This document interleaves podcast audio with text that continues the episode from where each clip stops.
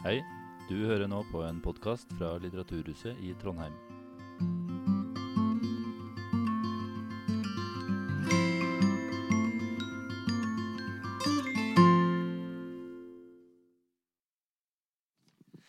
Ja, velkommen skal de være til denne kvelden med Marianne Meløy, the one and only.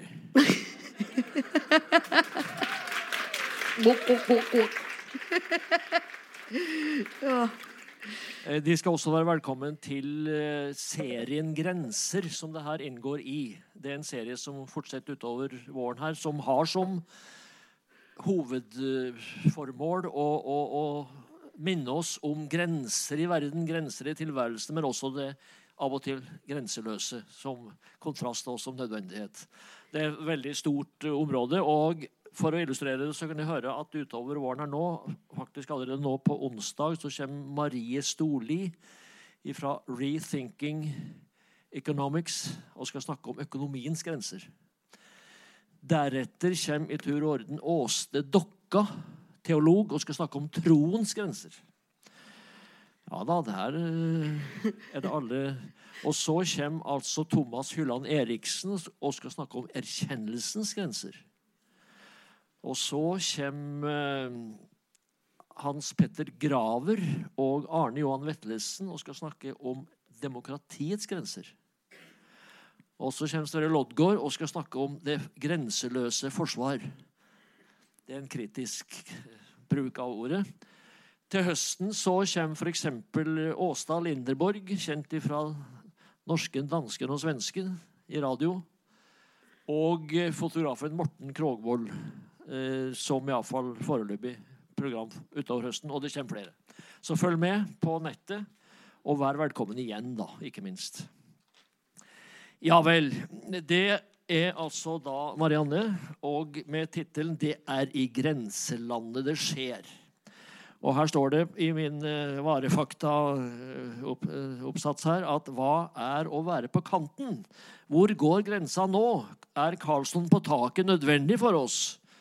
Å leve, det er å krenke. Eller å bli krenket. Et kåseri om humor og festligheter, døråpnere og grenseløse grensesettere.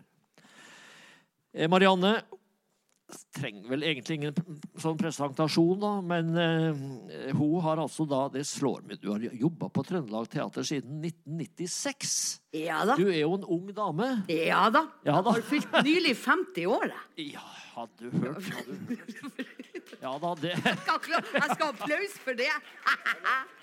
Ja, det er bra. Det er jeg vil ikke engang si hva jeg har fulgt.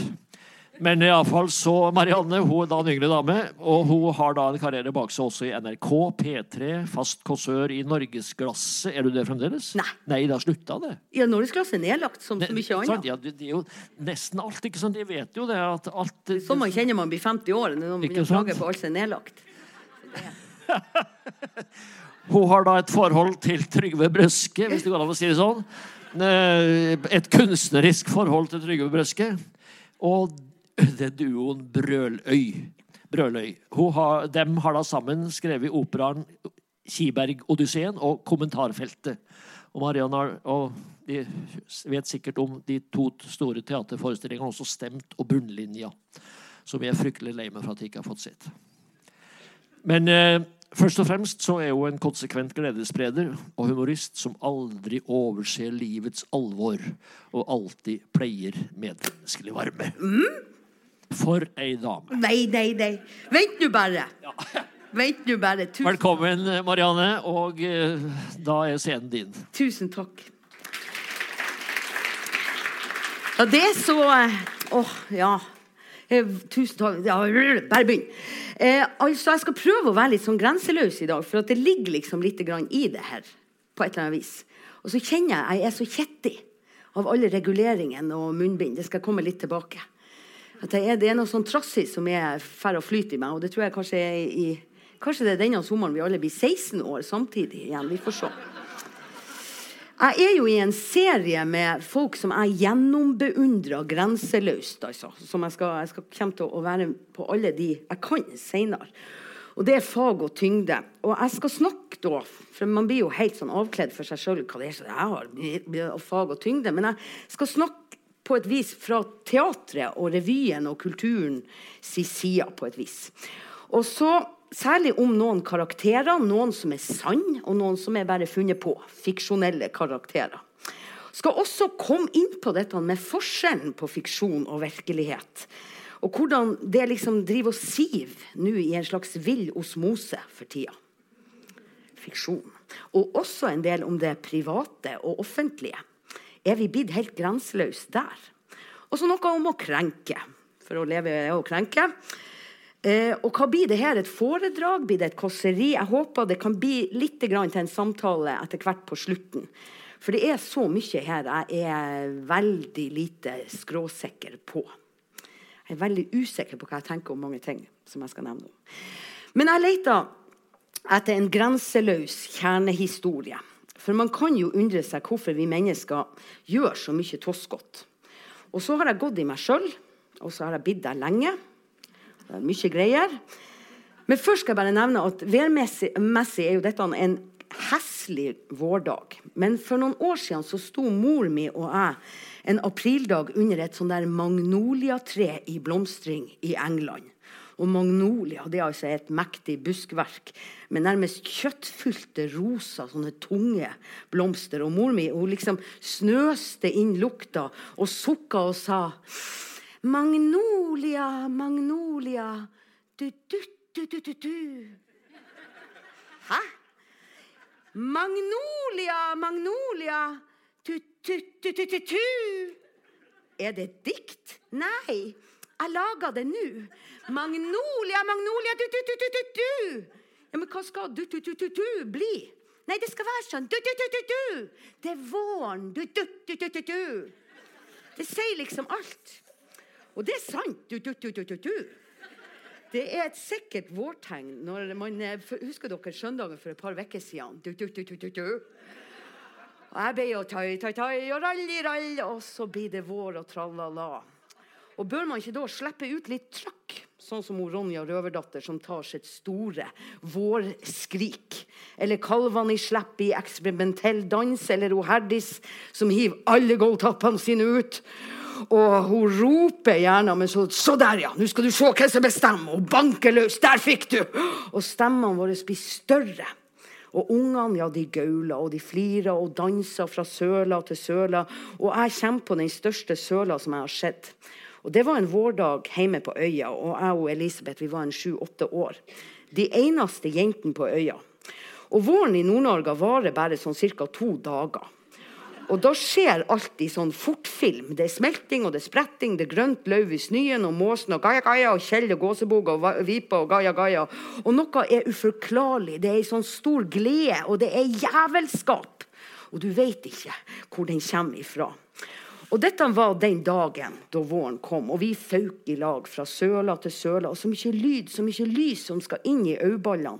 Det er så mange søler man må danse i. Det er så mange grøfter å gå ned i. Det er så mye tullskap som skal gjøres.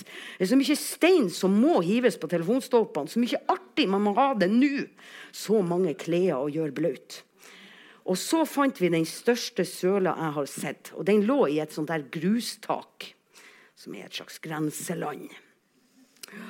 Og det var, Den søla var blitt mer en dam, eller ei kjønn, av alt som smelta så fort. Og se den store søla, sier vi. Den var stor. Så har vi stein og greiner og alt vi finner lenge i denne dammen. Og vi oller og flirer, og det er herlig gjørmete og aurete rundt. Og det lager så artig lyd når man setter støvlene i gjørma og tar foten opp. Svopp, sier det. Og Elisabeth hun setter den ene støvelen fast i gjørma, og vi storflirer. Svopp! Hun står der med den støvelløse lestefoten på én stein. Og jeg tar støvelen hennes opp av gjørma, og jeg sier Jeg hiver støvelen din i søla. Jeg hiver støvelen nå i søla. Nei, det gjør du ikke. Jø. Nei. Slutt å tulle! Ikke hiv støvelen min i søla.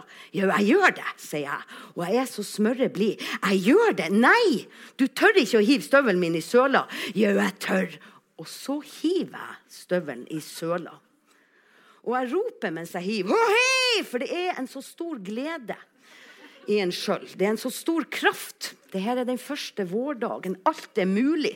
Men idet jeg ser støvelen treffe vannflata, ser jeg hvor slem jeg er. Det blir helt stille etter plasket. Hun Elisabeth hun slår øynene ned og sier ja vel. Og snur seg på støvelen, den ene hun har, og setter lestefoten i gjørma og marsjerer en støvel og en lest rett hjem. Og jeg ser min beste venn halte av gårde, og hun slenger kun ett eneste blikk til meg.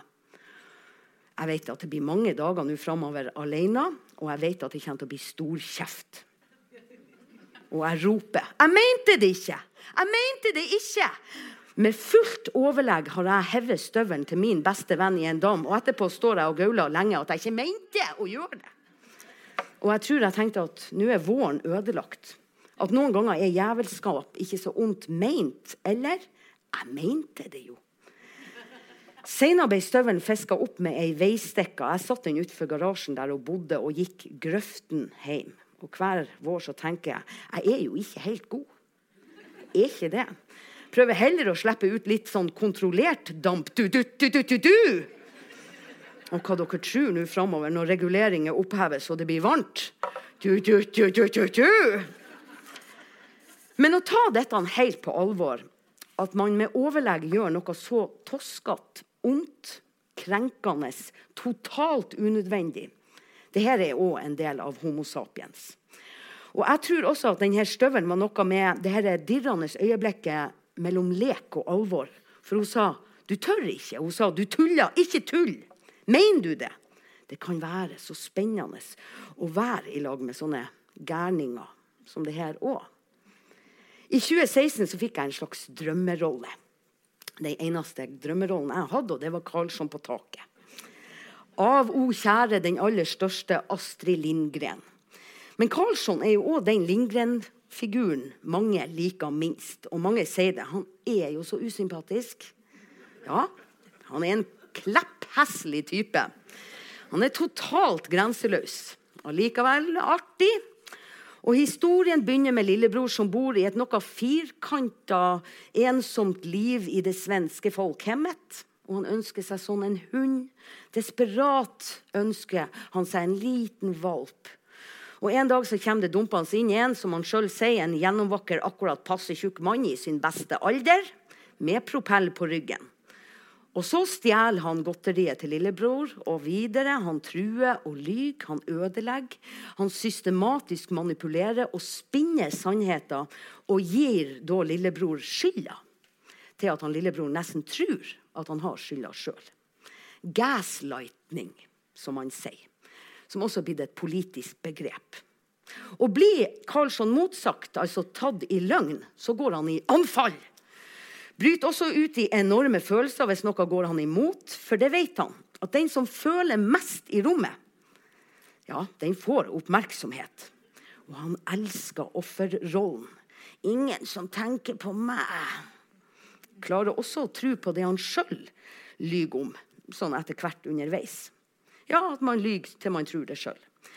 Han insisterer på at han er verdens beste og tåler ikke å tape. I am the best in the world. I'm huge. Og Dere skjønner kanskje hvor jeg skal nå. Ikke ulikt. I have the best words, til og med. Når man ser på en del ut av Trump sine sitater, så ligger de helt tett opp til Karlsson på taket. Og Dette var jo i 2016, og jeg hadde lyst til å la meg inspirere av et levende menneske.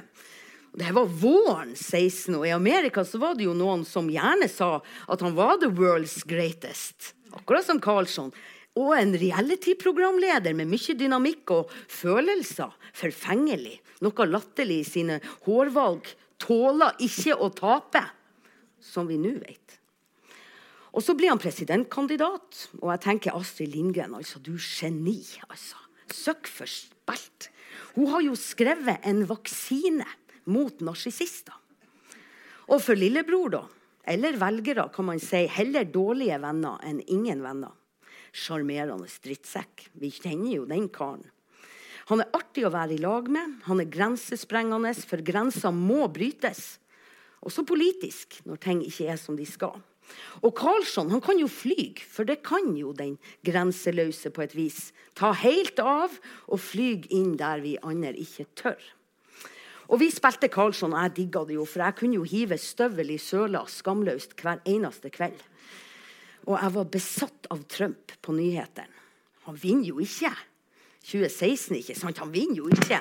Og det er jo en underlig jobb å være skuespiller. Vi dømmer jo aldri. Vi har full empati med den karakteren vi spiller. Det er det vi skal. Selv om karakteren nå mangler empati, så ser vi på et vis verden fra denne karakterens side. Med empati. Og det er jo en grunn på et vis til at han er som han er. Og jeg gikk rundt med en sånn rar, boblende ambivalens. Og lillebror han klarlærer jo på et vis å sette grenser i løpet av stykket. Ja, det har en slags happy ending med at Karlsson sitter og ødelegger bursdagen til lillebror i sjalusi og glefser i seg ei hel kake og kaller valpen til lillebror for stugg. Men så vant Trump valget, og jeg tenkte dæken, nå er det Karlsson på taket som er verdens mektigste menneske. Det må smelle, og det må være artig, ellers så blir ikke jeg med. Og ingenting ble artig lenger. Men vi tar så feil når vi bare sier Karlsson han er en drittsekk. Trump han er en fjott. Eller Trump-velgere de er søppelmennesker. Eller mye annet som jeg har lest og hørt folk si. Da har ikke vi skjønt krafta i det her. Jo, de lyver. De er gjerne dreven av en voldsom egoisme. Men mens man lyver, er man nemlig autentisk i det å sprenge grenser. Og alle følelsene det er. Vi liker jo de, alle. Løgnen er løgn. Men den kan vi glemme, for det autentiske i grensesprengninga blir så sant. At det er det som blir sant. Og her er jeg veldig grundig, altså. For det her møter vi så ofte, og vi blir forvirra av det.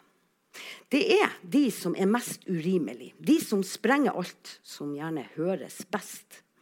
Man kan på et vis oppsummere det i at det i vår kultur ofte er med de, de med dårligst holdninger som får de beste høyttalerne.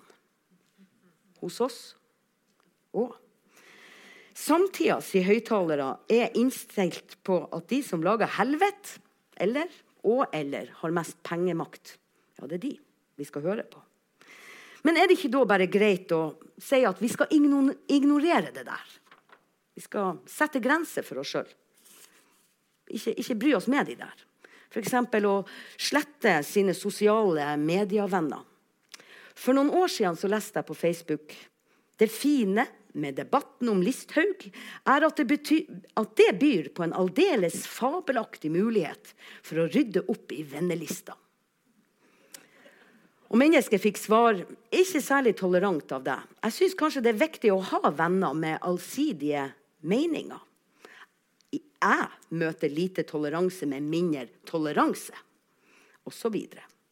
Og det er klikk i tastaturer, for det er makt i de her tastende hender. Og det gir jo et sånt instant rett i kroppen-følelse av opprydding og renhet og bare slette det ekle.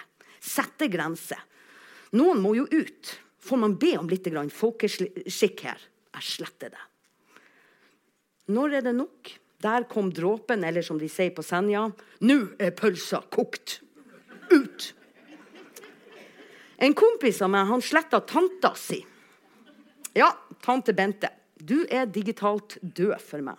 Han klarte ikke lenger å se på homofobe vitser smurt utover feeden hans. Han forsøkte først å skrive 'Tante Bente, har du fått en ny vitsebok?' Ny homofob ytring. 'Tante Bente, disse vitsene syns ikke jeg noe om.' Enkelte mennesker skjønner ikke humor. Geipesmiley. Slett, sa han. For jeg klarer ikke å ha det i hverdagsfeeden min. Og det er som å sage ned ei grein av slektstreet. For det er jo også så mye fint egentlig med tante Bente. Og jeg undrer meg, hvordan sletta man folk før? var det å ikke helse på butikken. De du hadde konflikt med. 'Hallo!' Intet svar. Men et slags snøft. Mm, sletta det. Og under krigen slutta man å snakke med sin bror som var medlem i Nasjonal Samling. Det var noen som gjorde det. Mange andre gjorde det ikke. Men det er en forskjell da, mellom digital og fysisk sletting. er jo ofte at man ikke merker at man er blitt digitalt sletta. Jeg merka innmari godt den gangen jeg ble kasta ut på gangen i konfirmasjonsforberedelsene. Kapellanen hadde med seg anti-sjølbestemt abortpropaganda på en sånn lysbildeviser. Og jeg ytra meg, for jeg var rikelig utsatt for feminisme i heimen. Ut på gangen med deg. Seinere nekta mor mi å hjelpe kapellan da han spurte henne om å bære et lysbildeapparat. Nei! Bær det propagandaapparatet ditt sjøl! Det her tror jeg var en slags akustisk sletting. Men det å stå på gangen når andre diskuterer, det har jeg aldri glemt. Og derfor så sletter jeg aldri. Av prinsipp. Helse på folk, ja da. Men så var det en som stadig skulle liksom utgyte sånne hatsanger og konspiratorisk tull og samehat på min digitale vegg. Klimafornektelse og bubbel. Fengeren dirra i meg i slettelse og etterpå lettelse. For der var ikke bare pølsa mi kokt, den var sprukken. Men så tenkte jeg skal jeg slette han, så må jeg også si det. Så jeg skrev han en melding. Jeg har sletta deg som venn, og så skrev jeg årsaken. Og så fikk jeg svar. Ja, det skjønner jeg godt. Jeg liker å lage litt helvete innimellom. Jeg syns det er rart at ikke flere sletter meg. Smiley, ha en fin dag. Og sånn lattersmiley. Herre min dag, jeg har jo snakka med Karlsson på taket her, tenkte jeg. Og der begynte jeg å angre på at jeg hadde sletta det her mennesket. Hva det er med oss, tenkte jeg. Og venninna mi sier du vet at du bare kan skjule folk. Ja, jeg vet det. Men det er jo også en måte å late som det ikke er noe uenighet. Rydde ut det vi ikke liker. Og det kommer det aldri noe godt ut av. Og så blir jo de vi er så uenige med, og så utsatt for hva vi ytrer oss. Vi må tåle å være forskjellige og vite at vi mennesker blir så like av å være redd. For stadig har jeg kjent at min pølse hun blir altså så mye overkokt, og det klør i alle slettefingrene. For jeg blir redd folk. Gamle klassekamerat, hvorfor legger du ut en konspiratorisk fire år gammel artikkel fra dokument.no? Og hatytringer om flyktninger. Hva er det du er så redd for? Hvem er du blitt? Å være redd for de som ikke ligner oss, det bor jo i oss alle. Og så skulle man skrive 'Tante Bente'. Hva med en live kopp kaffe der vi snakker litt om min legning og om din legning. Og bli enige og Ja, like Det er ikke målet. Delmålet å finne ut hvordan vi skal leve i sånn ulikhet. Og finne noen felles grenser for samtalen vår. Og så kanskje et småkoke noen pølser med brød. Grenser, ja. Er ikke alt da bare kontekst? Ja, hvor du sier hva? Og konteksten nå, jeg har nevnt det med alle reguleringer nå. Jeg har så lyst på punk. Jeg har ikke hatt lyst på punk på 30 år. Eller soul som riv. Jeg har lyst på brennevin. Og i noen ekkokammer som jeg liksom blir utsatt for. Å, Gud fader, og alle er så enige. Sitt her og vær enige om at andre er dum og uintelligent. Jeg blir så trassig og sånn mjuk, vennlig makt. Skråsikker på sin egen fortreffelighet. Og jeg blir tøven i hodet. Jeg får lyst til å bryte grenser og si som hun Lille My Nå må dere slutte å sitte der og gi hverandre komplimenter. Hva er det her? Det må da ligge noe latent i Homo sapiens i at vi får en slags hjerneeksem hvis vi for lenge blir utsatt for sånn koselig enighet. Kan virke sånn. Kvinne 50. Sett på punk. Jeg er kjetti. Jeg har lyst til å hive støvler inn i ekkokamrene. Og hvor er det da vi kan sprenge grensen? I idretten. Ja, der opererer vi med Homo sapiens sine grenser. Og Der er det et ideal å bryte grensen for menneskekroppen. Og vi liker de så godt, de som sprenger grensen. Og Petter er Petter. Det liker vi å si. En Laila er Laila Laila. Laila fra Lødingen er Laila fra Lødingen. Er det grenseløst å snakke om henne? Det er det kanskje, og derfor føler jeg at jeg må gjøre det. For jeg har så mye til felles med Laila Bertheussen. Hun kommer fra Lødingen, to kommuner fra min heimkommune. Hun vokste opp omtrent på samme tid. Jeg tror vi har vokst opp i veldig like forhold. Hun Laila hun er nå dømt til fengsel i ett år og åtte måneder for angrep på demokratiet, demokrati A, sier jeg. Demokrati E. Gjennom brannstiftelse, skadeverk og trusler mot ledende politikere.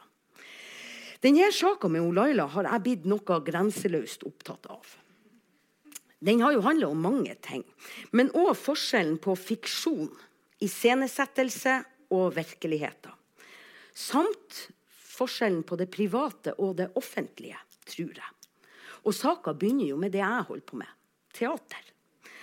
Altså Ways of Seeing. Laila knakk ikke koden at Ways of Seeing var et teaterstykke. Fiksjon.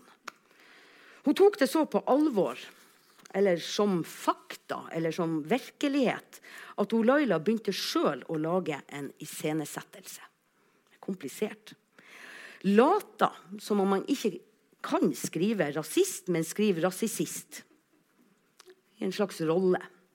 Og et spill og et forløp som er totalt grensesprengende. Og i alt det her kan man kanskje si at Laila er et djupt privat menneske. Som har sikkert noe med fortida i Lødingen å gjøre. Ja.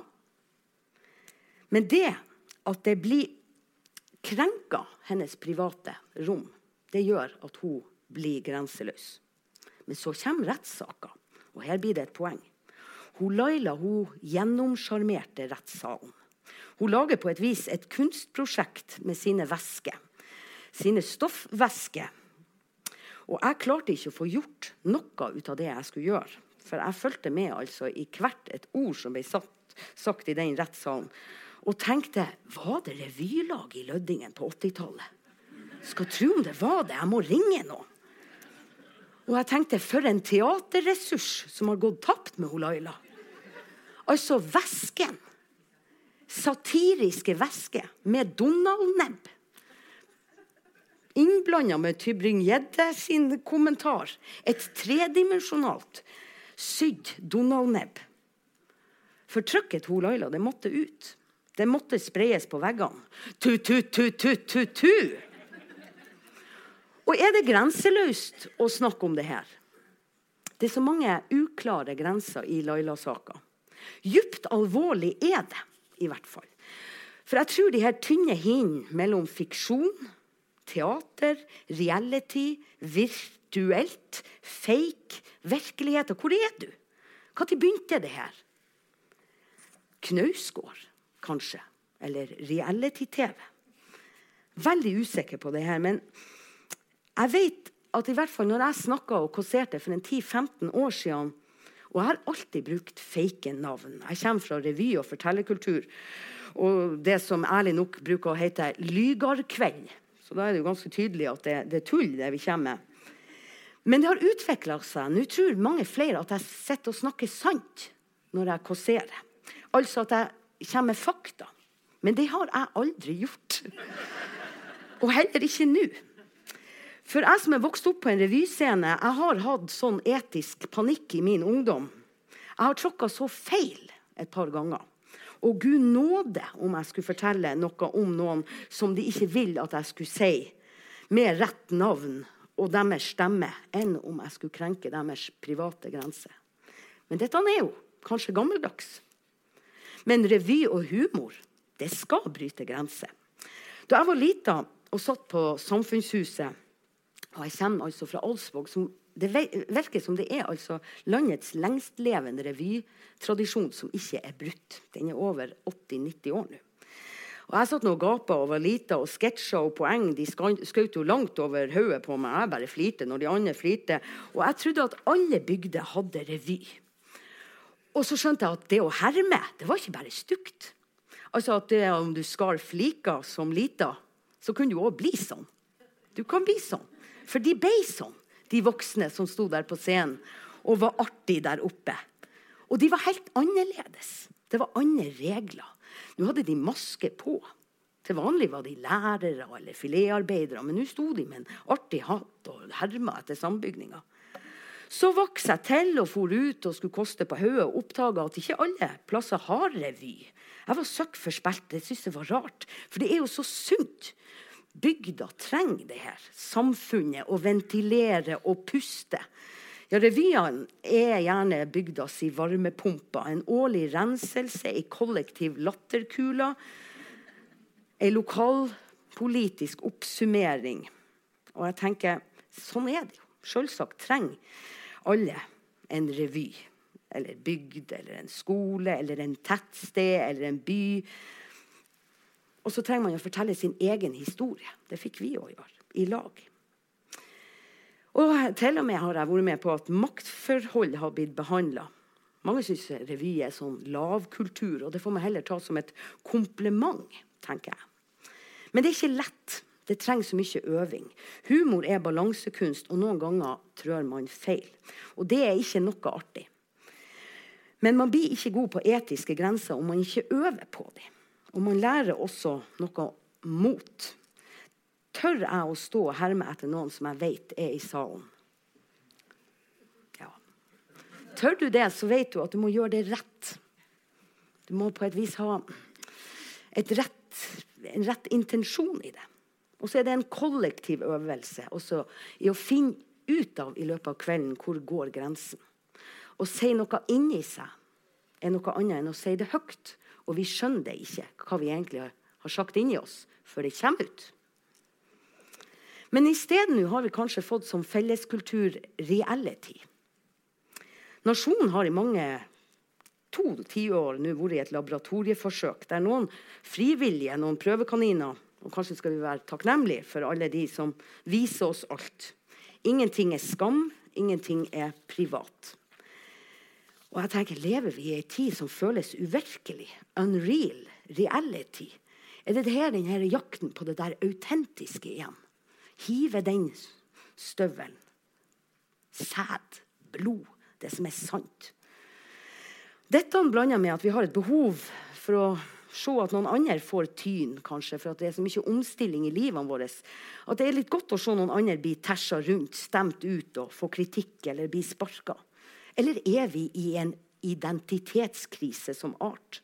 Ja, lurer vi så intenst på hvem vi er som mennesker? Dette dukka jo opp like etter millenniumsskiftet. Men om det er sånn at vi har fått nye grenser, at man bare kan være naken på TV, gjør det noe? Er det ikke noe frigjørende at vi ikke skal skjemmes over det private og det hemmelige? Det var ikke noe herlig med Tina som kom brasende inn på jobb og stønna og sier om dere syns jeg er sur, så er det fordi jeg har fått blærekatarr igjen. Åh, Gud, jeg pisser. Ja, hva skal vi med privatliv? Hva skal vi med to ansikter? Et indre, et ytre. Er det nødvendig? Eller er det sant det at demokratiet er avhengig av at vi som borgere har avstand mellom privat og offentlig rolle?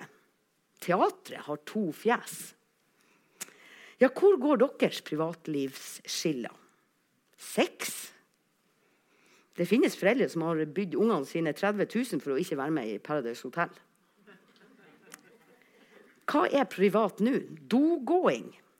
Hva man egentlig tenker om noe. Ens egne primitive fordommer og instinkter. Og skam er et hovedord i vår tid. Skam fødes ut av skillet mellom privat og offentlig. Hemmeligheter og løgn det fødes ut av hemmeligheter.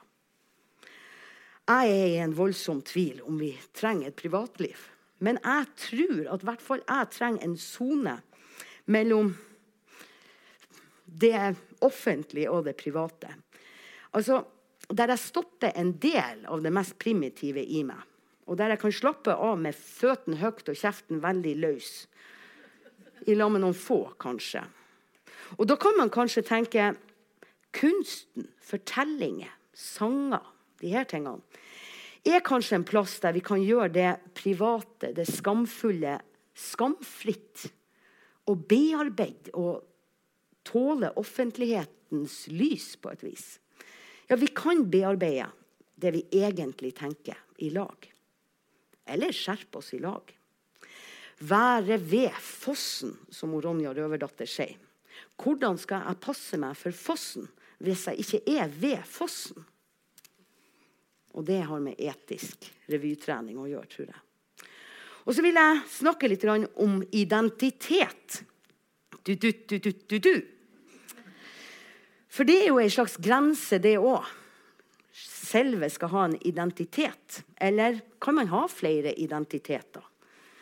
Det er frigjørende i å få lov til å ha flere roller, til og med. Som jeg er heldig ofte får. Hive støvel uten skamtarm. Kan man henge i hop for det? Og det her er en kjepphest for meg, så det her kan hende at noen har hørt før. Men jeg får ofte høre det her. Å ja, så du er fra Myre? Myre i Vestersalen? Nei, det heter Myre. Den er amerikansk, den L-en vi har. Nei, Myre. Nei, det er Myre. Det var feil farger på ferga, som vi for på for feil ferie. Det er sånn vi prater. Og jeg har følt meg identitet. Står jeg virkelig her og er sjølhøytidelig og retta på lyden i r-en, i r-en? Men kommunesenteret i kommunen jeg kommer fra, har sin egen stil. På Myre heter det Prærien, og uteplassen før heter Texas. Og så ble det Teria. Og Der har jeg sjøl sett betjeninga svare en som sier Kan jeg få en Farris med isbiter? Nei, vi, vi serverer ikke isbiter på formidagene. Og da vi prøver å bli kjent som torskekommune nummer én, for det er vi, Skreien. Men der vi er mye mer kjent for avsindige navnetradisjoner. Og dette er sitat skrevet av en NRK-journalist. Ja, det har like til kommet egne team for å dekke det her viktige samfunnsspørsmålet. At vi heter Syntoria eller Ted Kenny eller Rune Barry eller hva det nå er. Og så kommer de utover fra Harstad og sånn og sier oh my god, dere har så insane, crazy eh, amerikanske navn. Det er jo helt crazy. Det er jo helt random her ute. Hashtag Harstad. Sykt. Man får stadig høre det her, men en gang så smalt det liksom for meg. Slutt å kritisere min identitet og kulturarv. For en som sa å dere har sånne morsomme utenlandske navn der oppe nordpå. Kan ikke du si noen, da? Så du syns at utenlandske navn er helt feil, du Alexander Philip Bylom von Gyldenstjerne, eller hva det nå heter. Du syns at vi har rare tradisjoner. Ja, men jeg, jeg har jo et norsk navn. Ja, særlig du, Alexander. Den store i kjeften. Og hva forteller navnene om oss? Ja, at vi er åpne og klare for nye ideer. Vi finner oss i margarinkassa i fjæra, og så ble dattera døpt Margarina. Og er ikke alle dobbeltnavn på et vis en fest? Det viser at man erkjenner at vi er jo fusjoner, cocktailer, blanda baller. Alle ei sammensmelting. Sånn som hos Siv Maria. Her har man spleisa i hop en norrønt Det er gudinne, gudinnen Siv i Valhall, i lag med jomfru Maria i en person. Eller han Tor Markus. Tordenguden Tor og evangelisten Markus i samme gud. Hvordan går det an? Hør dere. To religioner i ett navn. Er det vanskelig for han Tor Markus? Blir han reven i sund mellom hedenskap og kristendom, der han står i spagat? Nei, må ikke blande kulturer. Må ikke blande navn. Har vi gjort noe annet? Og det må jeg si, mange av de mest forrykende, kloke og skapende eksemplarene av Homo sapiens jeg har truffet, har gjerne en slags bindestrek i seg, på et vis. Ja, at man ikke er én ting. Man kan flere språk. Har Kommer fra flere plasser. Har flytta på seg. Har både vært i fjøs og i opera.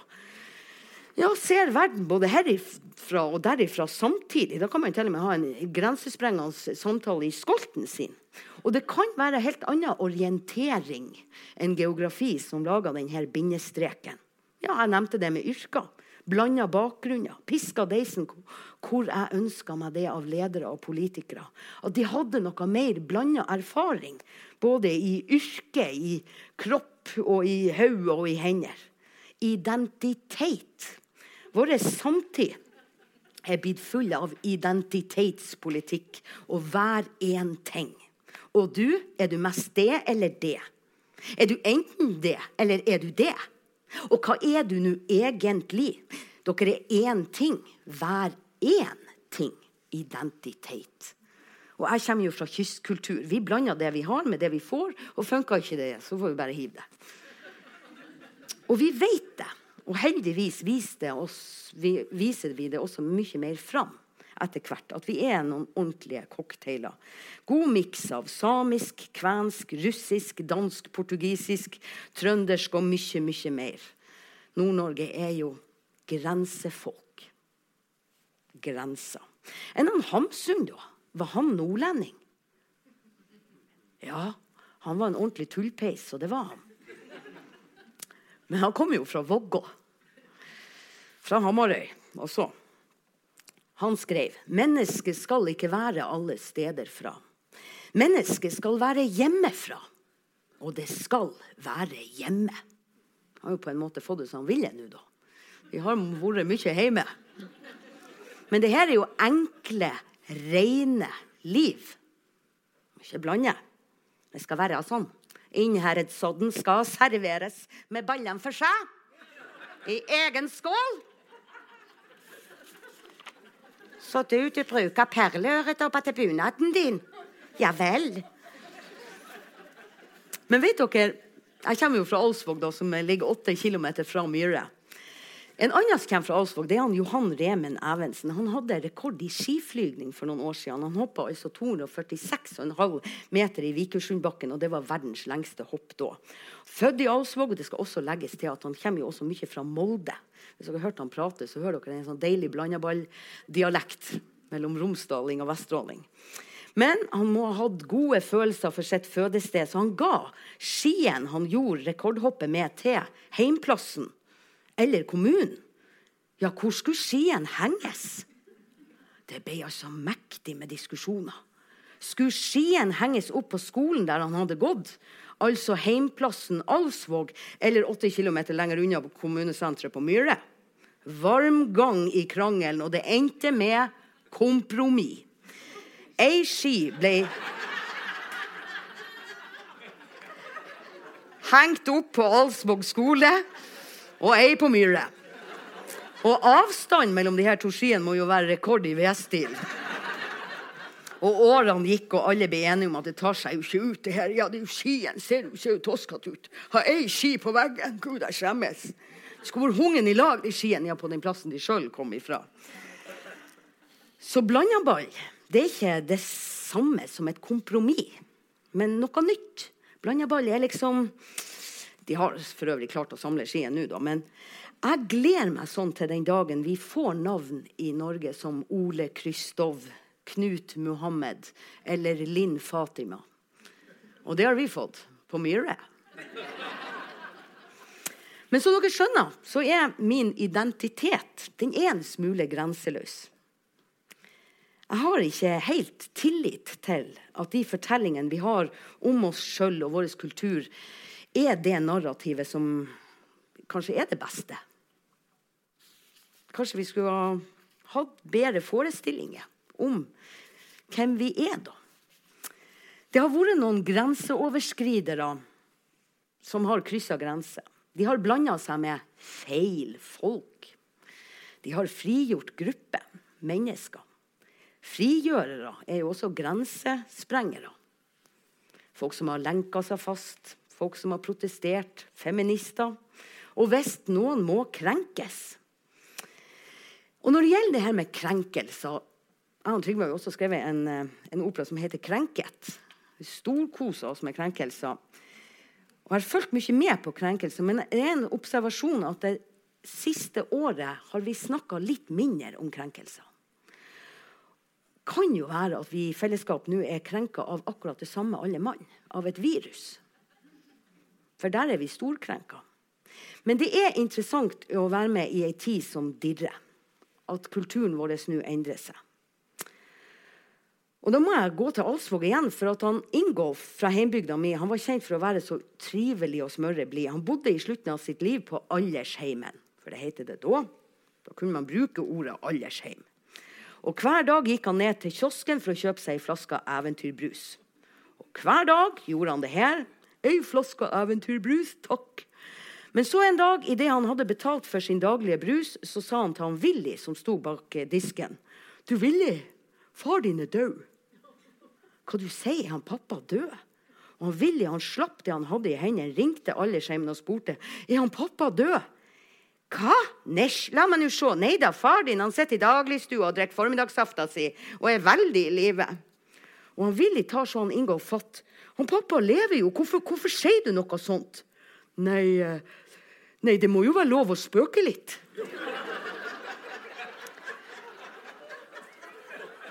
Og det må det. Til alle tider. Og med alt. Men det er det ikke lenger. Ikke kan man kalle kvinnfolk for førske eller søta eller 'kom hit, du lille frøken' eller 'tøtta' før at de begynner å kaldkauke de her kvinnfolk om at de er krenka. Ja, nå må man visst tenke seg om før man klasker i duvende kjerringrev og sier 'den her har vært noe å ligge i attom'. Er det òg galt nå? Metoo? Juhu! Ikke engang kle på ungene i et uskyldig indianerkostyme, så kommer de samene og maser om kulturell appropriasjon. At du sa uansett Er det òg galt nå? Ja, hva skal man kalle folk? Ja, hva skal man si? Der kommer de liksom inn og skal være minoritet og er ferdigkrenka før man har fått sagt hello. Og ikke kan man si gammelheim eller aldersheim. Er det òg galt nå? Hva det heter nå? Bolig? Og hva skal man kalle de som er sprut tullete? Galning? Hodebunt? Nei, det er jo galt. Bruker. Åndssvak, sa vi før, og det fungerte. Nei, det er som man får lyst til å rope. Nei, såpass bør dere tåle. Ble folk krenka før? Ja, de tenkte før òg. Om du så antyda at en viking altså en norrøn mannlig person, var ure bitte lite grann kvinnfolkaktig, så ble du et haug kortere. Er det noen som ble krenka i Bibelen? Ja. Vår Herre. Én feil frukt, og du er ute. Bitte lite grann med orgier, og hele Sodoma og Gomorra er sprengt til pieces. Ja, vi har vel blitt krenka før òg. Eller vi var vel ikke krenka. Jeg husker På 70-tallet så ble vi sur. Hun er sur, så jeg drar hjem. Men jeg vokste opp i ei tid og med en humor der man opererte under mottoet 'Det blir ikke revy uten ei samehue'. Ta på samehua, still deg på en scene eller i NRK, gå litt pussig rundt, fjern 30 IQ-poeng fra karakteren, og du har en sikker latter. Artig. Og Honningsvågrevyen og Banana Airlines, som sikkert mente det bærer godt, de òg. Såpass må vi tåle. Jeg vet ikke. Jeg er så glad vi er i ferd med å flytte denne kulturen nå, altså. Og der er en av de der etiske panikkene jeg har hatt med den revyen jeg har spilt i, som holdt på med det her. Men på litt lettere. Hun Herdis hun utprøvde en gang svigersøstera si familie. Ja, altså en prøvelse å få dem på besøk. Han må gjøre så mye tiltak. Alle slags allergier har de. Og det er jo forskjellige intoleranser. Altså, det er gluten og det er nøtteproblemer. Det nytter jo ikke bake i kaka til dem. Mel og egg. Var det kvæfjordkake eller sitronskall? Hva med tulipanene? Hva skal jeg gjøre med hunden? Må jeg drepe han? Må jeg vaske rundt? Og jeg husker jo ikke lenger hvem som ikke tåler hva. Jeg tror det er overdrevent med alle de her allergiene. Før så tålte vi alt. Men jeg sa til Herdis at det var kanskje hun som overdrev. Ja da, svarte hun. Men det er så slitsomt å ta alle slags hensyn til alle svake grupper. Og det føles så frigjørende å si det rett ut. Noe man vet er allergisk ukorrekt. Ja, all slags spesialbehandling skal de ha. Egen mat og organisasjoner som sikkert får statsstøtte, skal de ha. Og like til egne nyhetssendinger med pollenvarsel. Det her er snikallergifisering. De tar over, men såpass må vi tåle. Men alltid må vi ta hensyn, sier kompisen min. Både til allergikere og nye norskinger og alle slags grupper med behov om universets utforming og de her LGTBR2D2-gruppen og kvinnfolk som ikke vil bli kalt for knette og tøtte. Og Når skal noen ta hensyn til at det er vanskelig å ta hensyn til alle? For enkelte. Og dæken hvor jeg har krangla med han. For han sa jo da et ord ikke jeg bruker, som karakteriserer hudfarge. Kan ikke la være å bruke det der ordet, sier jeg. Åh, det er min nordnorske identitet å få bruke språket mitt som jeg vil. Hvis jeg vil si, og så sa han et ord ikke jeg bruker, så Du syns at du gjør stas på vår felles elskede dialekt med å kaste tannglaser og kobbspyer i øynene til folk. Ja, skal ikke jeg få lov til å bruke språket mitt lenger? Til å kalle feite folk for tjukkinger? Må jeg drive og si overvektig eller litt dryg? Det er min rett å si smellfeit, for det er dialekten min. Og så er det sant, jeg mener ikke noe vondt med det. Og han har også kalt meg forbaska etiske gnagsår. Og vi har NM i krenkelser. Og vi kaster på et vis støvler på hverandre, og jeg er krenka av at han sier at jeg er etisk gnagsår, og han er så krenka over at jeg kaller han for krenker. Og dæken hvor vi krenker hverandre, og lever det er å krenke. Men Gud, det er godt å krangle. Og vi blir nå enige om én en ting at vi i hvert fall i det her lille private rommet vi har da, ikke være, skal være så redd for å si feil. Ja, gi meg luft, en plass til å øve oss på hva er nå nå lov, eller bør vi som fellesskap kunne ytre. Et eller annet rom å trø feil i. Skjerpe oss i lag. Før vi er offentlige, kanskje.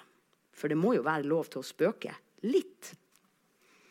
Men å få det til å åpne noen rom og ikke bare grensesette for de andre. Ikke bare slette. Da jeg var lita, gikk vi mye etter veiene.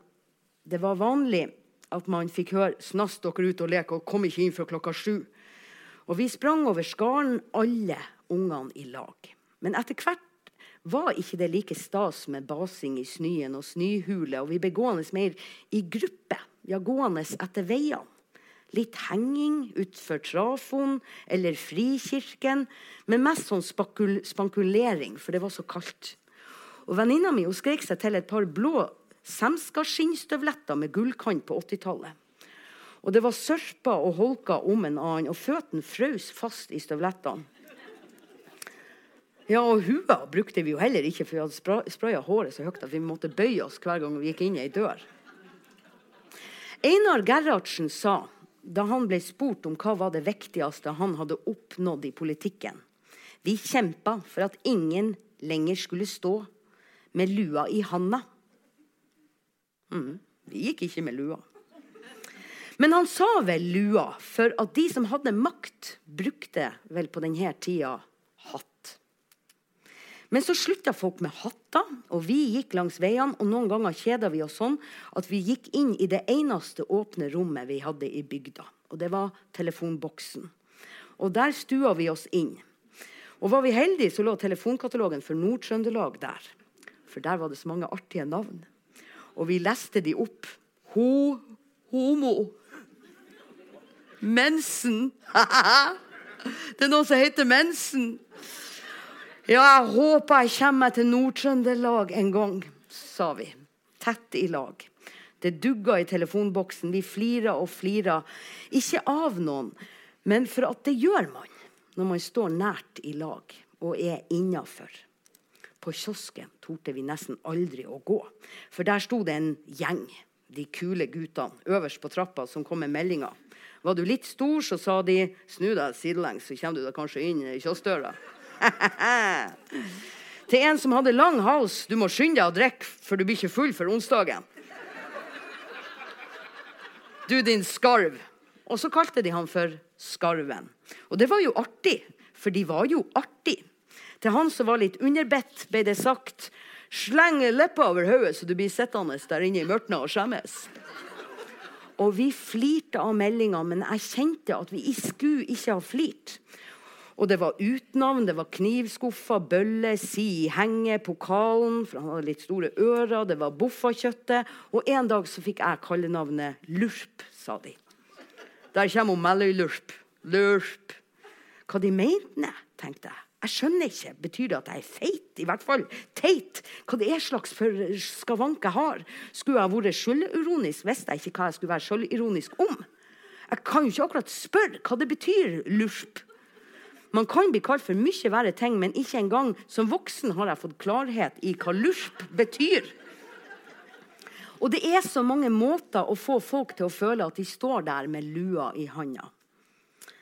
Hun som står der med barnetimegodteriposen og sier 'Jeg har ikke nok til alle, men du kan få'. Noen ganger traff vi jo Siv Tone og de. Hun sier Tone og de hadde kjellerstue, og der var det videospiller og visstnok ofte gryterett. Noen ganger bare vrengte vi på øynene til hverandre når vi traff hos Siv Tone og de. Andre ganger gratulerer med nye blå støvletter. Og så ble vi invitert med, eller ikke alle.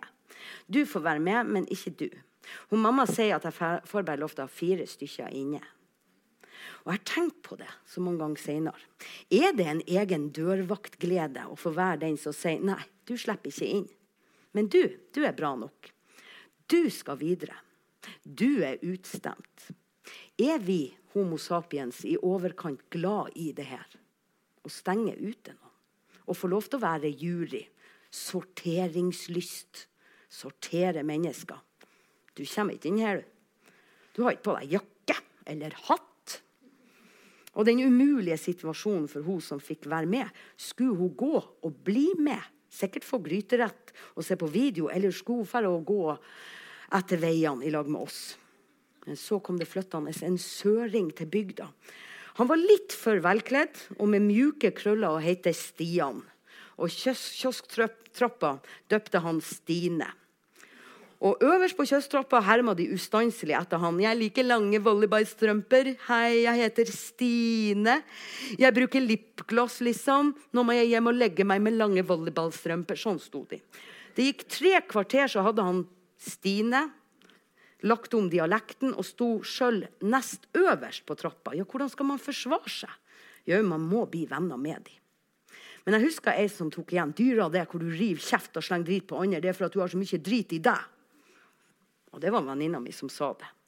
Men så ble det starta ungdomsklubb. Quickstep kalte de den. For alle ideer var gode. Og vi hadde dugnad for å pusse opp kjellerstua på Samfunnshuset og fikk bordtennisbord og stereoanlegg. Og en gang i vekka samler vi oss, nesten alle. Kiosktrappa var der, hos Siv Tone og de, og han Stian. Det ble ikke ren idyll, men vi fikk alle flere sjanser. Og vi sto ikke der med lua i handa for å få komme inn. Og ikke vet jeg hvem det var som ordna det sånn. At vi skulle få denne plassen for å møtes.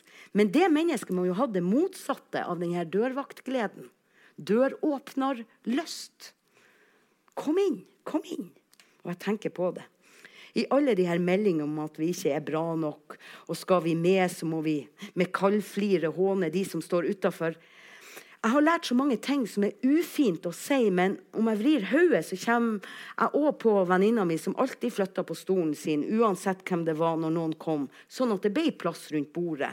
Til de som står med godteriposen og deler med alle. De som sier 'Hallo, hvor det går?' 'Nå, hva han sier?' 'Blir du med og spiller fotball?' 'Hva du heter?' 'Er det en pinne du har der?' Døråpnergleden. Og så skal jeg slutte med det jeg virkelig mener. Du, du, du, du, du, du. Jeg har vært permittert to ganger i mitt liv. Det ene var i fiskeindustrien for at vi mangla råstoff.